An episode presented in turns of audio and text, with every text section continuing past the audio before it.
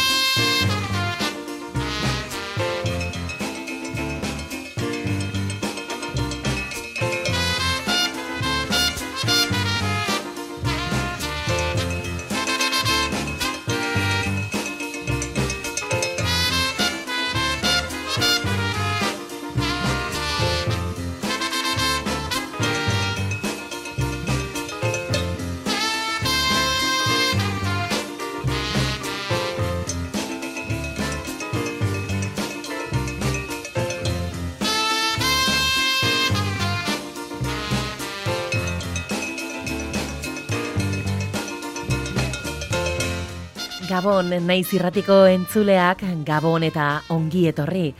Ongi etorri, irailan ekintziolako naizek denboraldi berriari, eta bizpairu aste beranduxeago, gu ere, heldu gara, gu ere, aietu gara, gramofonoaren ikasturte berrira. Aurten gainera, konturatuko zineten, ordutegi berriakin, asteazkenetan elkartuko garelako aurten, asteazken arratsetan, amarretan hasi eta amar terdiak arte gramofonoa ordu erditxo batez, iaz hasitako bideari jarraituz. Hau da, eguneko efemerideak errepasatuko ditugu, bide batez musika onenaz gozatuz, eta zenbait kontu kurioso edota akaso ezagutzen ezkenituen bitxikeria batzuei tartea eskenez.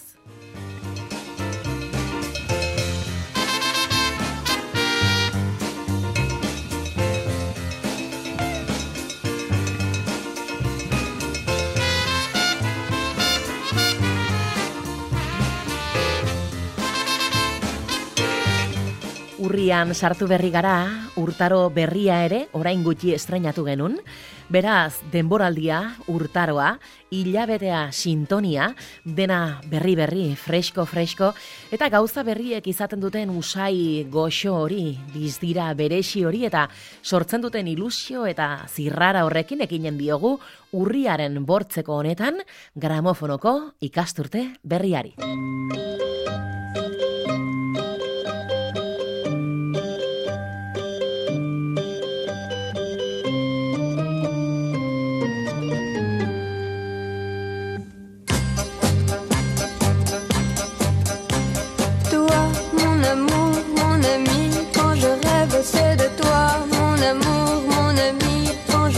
C'est pour toi, mon amour, mon ami. Je ne peux vivre sans toi, mon amour, mon ami. Et je ne sais pas pourquoi. Je n'ai pas connu d'autre garçon que toi. Si j'en ai connu, je ne m'en souviens pas. À quoi bon chercher, faire des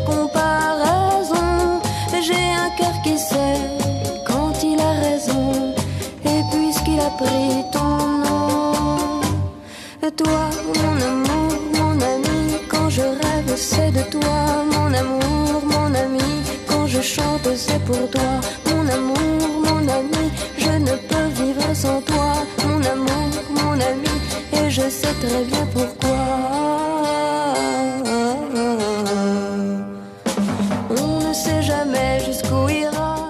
Gramofonoan gaude denboraldi berriari hasiera eman diogu oraintxe eta horretarako Marila Fore ekarri dugu gurera. Edo bertze modu batera erranta maitena du menax. Horixe baita, abeslari eta aktore frantziaronen benetako izena. Bino Marila Fore izenez egintzen ezagun, berrogeita emeretzian, irratiko lehiaketa bat irauzi ondodik zer eta bere aizpa ordezkatzen ari zela. Bera etzen abeslaria, ez da abeslari bihurtzeko inolako asmorik ere, bino erran bezala aizpa ordezkatzera joan zen txapelgeta hartara, irauzi eta handi gutxira Luis Mal zinema zuzendariak Plain Soleil filmerako aukeratuzun, eta ordutik aintzinera aktore lana kantuarekin uztartzen hasi zen estilo frantziarraren eraginpean bai, bino pop leunagotara lerratuta dotorezia haundiak inkantatu izan zuen beti laforetek. 2000 eta emeretzian zendu bazen ere, gogora ekarri nahi izan dugu, gaurko egunekoa zelako Mari Lafore.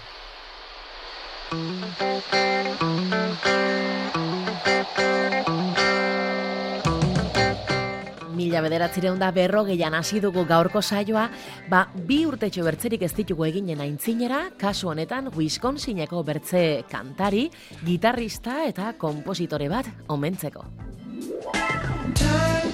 Slipping, slipping, slipping into the future. Keeps on slipping, slipping, slipping into the future.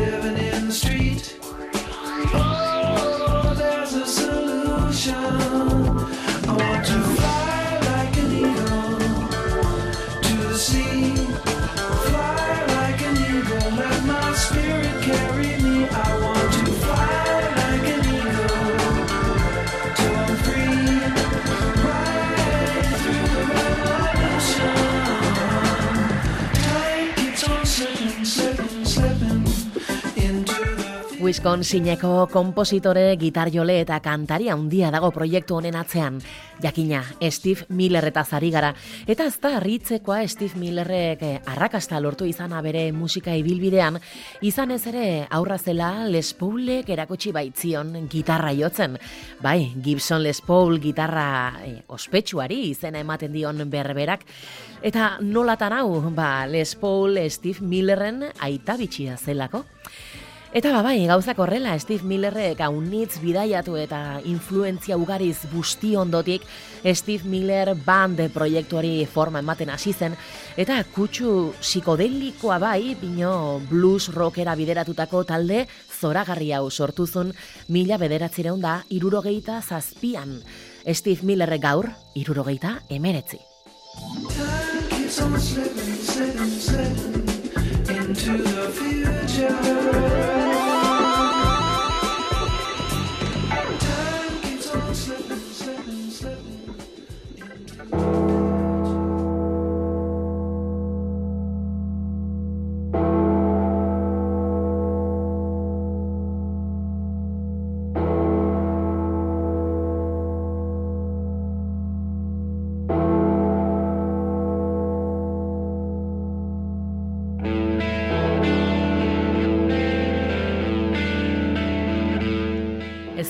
Aurkezpen gehiagirik bihar urrengo kantu honek ez da.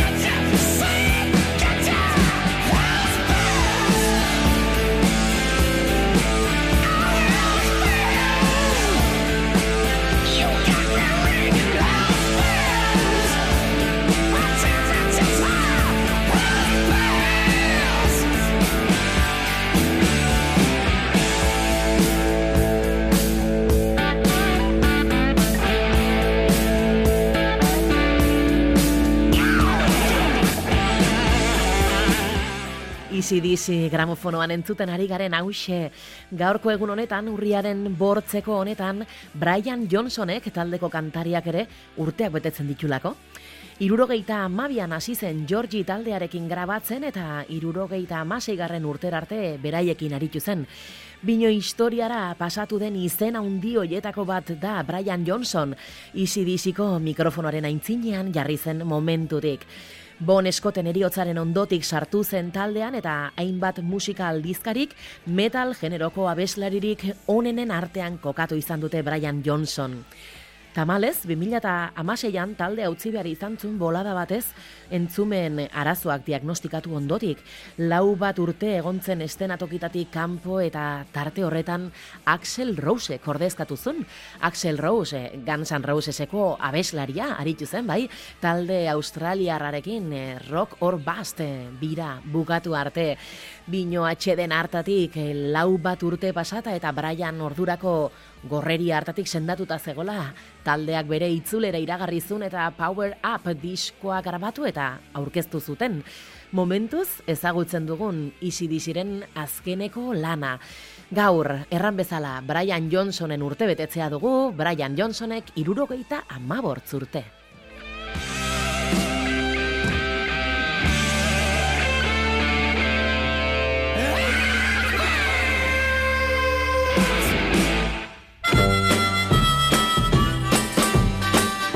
Eta kantu honekin mila bederatziren da irurogeita bigarren urtera eginen dugu salto, talde berri baten sorreraz mintzatzeko.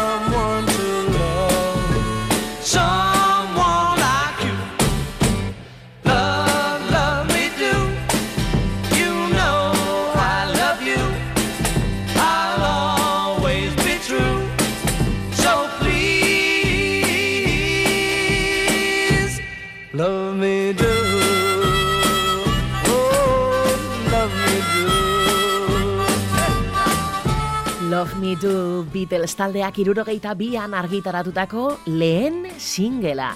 Taldea sortu bine urte batzuk lehenago idatzi zuena Paul McCartneyk. Horrela, talde berri baten jaiotza izautu genun. Mila bederatzeron da irurogeita biko urriaren bortzean Love Me Do kantuarekin. The Beatles zuten izena eta Paul McCartney, John Lennon, George Harrison eta Ringo Starr ziren. Melena eta doinu rockeroekin agertu zirenak. Irurogei garren amarkadako mugimendu kontrakulturalaren garapenean funtsezko izan zirenak. Gara iguzitako bandarik haundienetako batean bihurtuz. Love Me Do, aboi dire, The Beatles. Gramofonoa, istitzu pinatxorekin. Eta gaurko egun honetan eriotza bat ere ekarriko dugu gogora.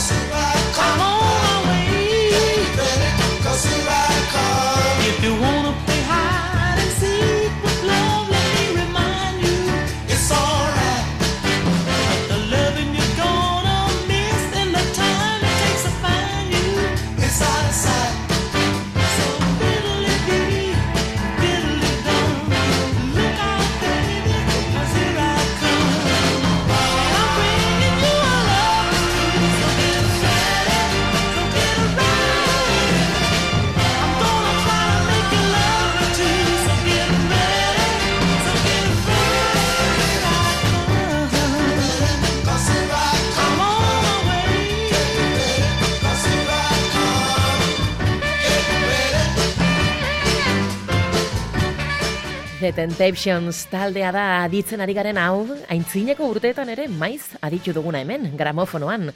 Ahots taldea The Temptations eta bertako kantari eta sortzailetako baten eriotzaz hariko gara.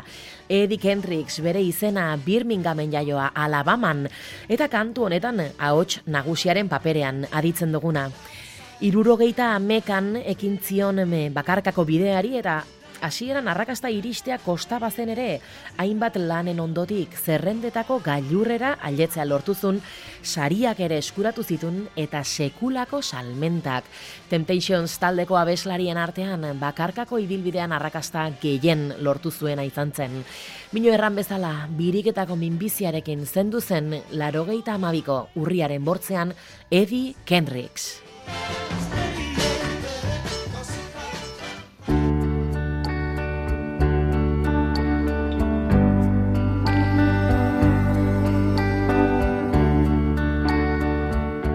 Eta disko eder honek ere urteak betetzen ditu gaur, hauek dire, rem.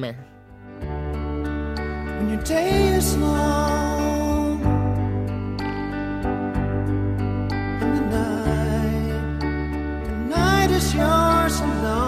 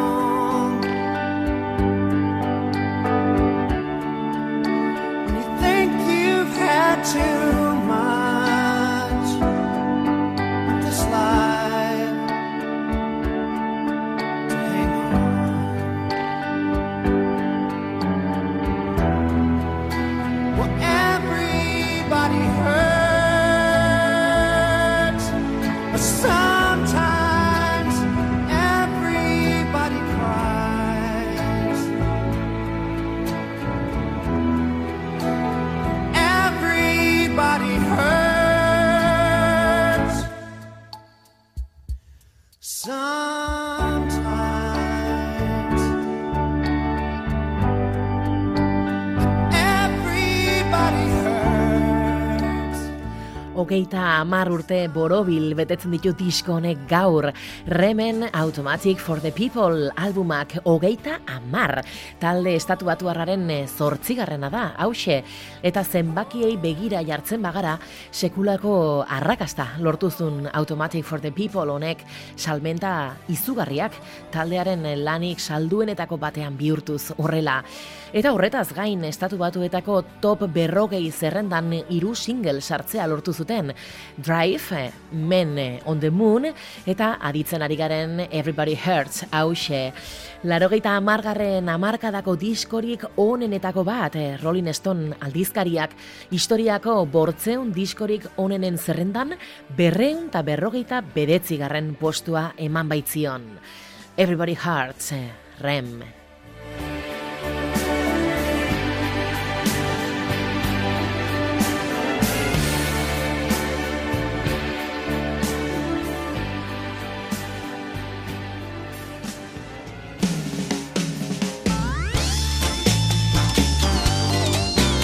Eta bertze harri bitxi baten urte urrena ere ospatuko dugu gaur lehenbiziko saio honetan.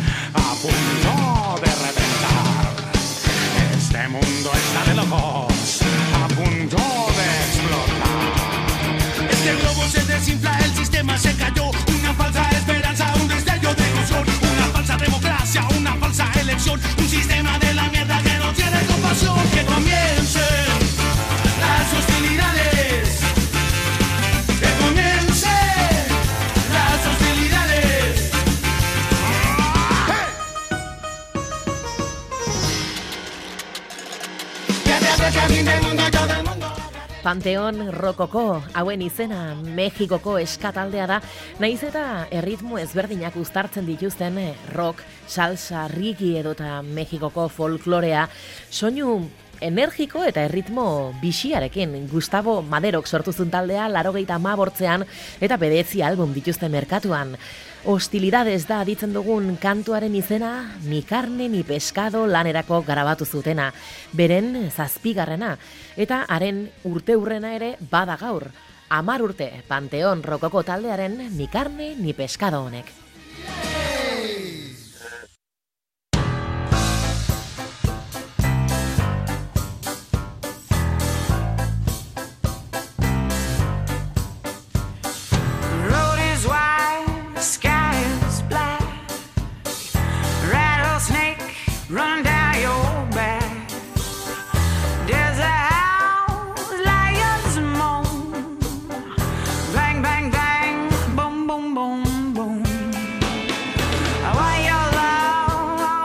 Eta gramofonoaren denboraldi berriko lendabiziko saio hau ahots indartxu batekin bukatuko dugu.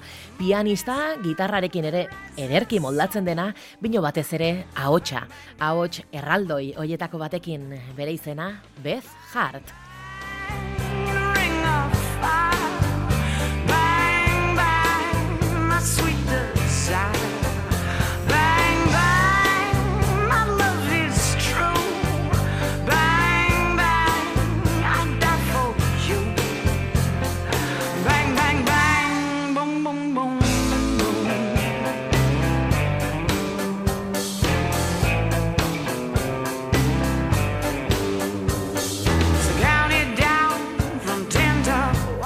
Beth Hart bere izena amalau estudioko album ditu merkatuan eta bertze lau Joe Bonamassa gitar jolearekin, gitar jolearekin batera ateritakoak kolaborazio handiak egindakoa da Beth Hart Joe Bonamassarekin edota Jeff Beckekin adibidez.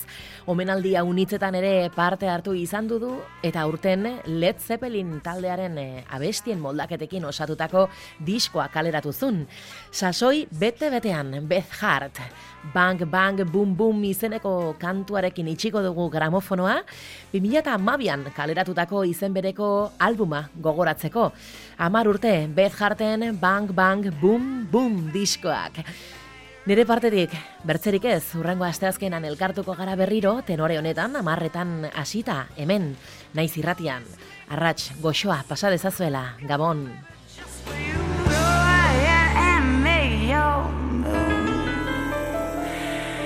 do a song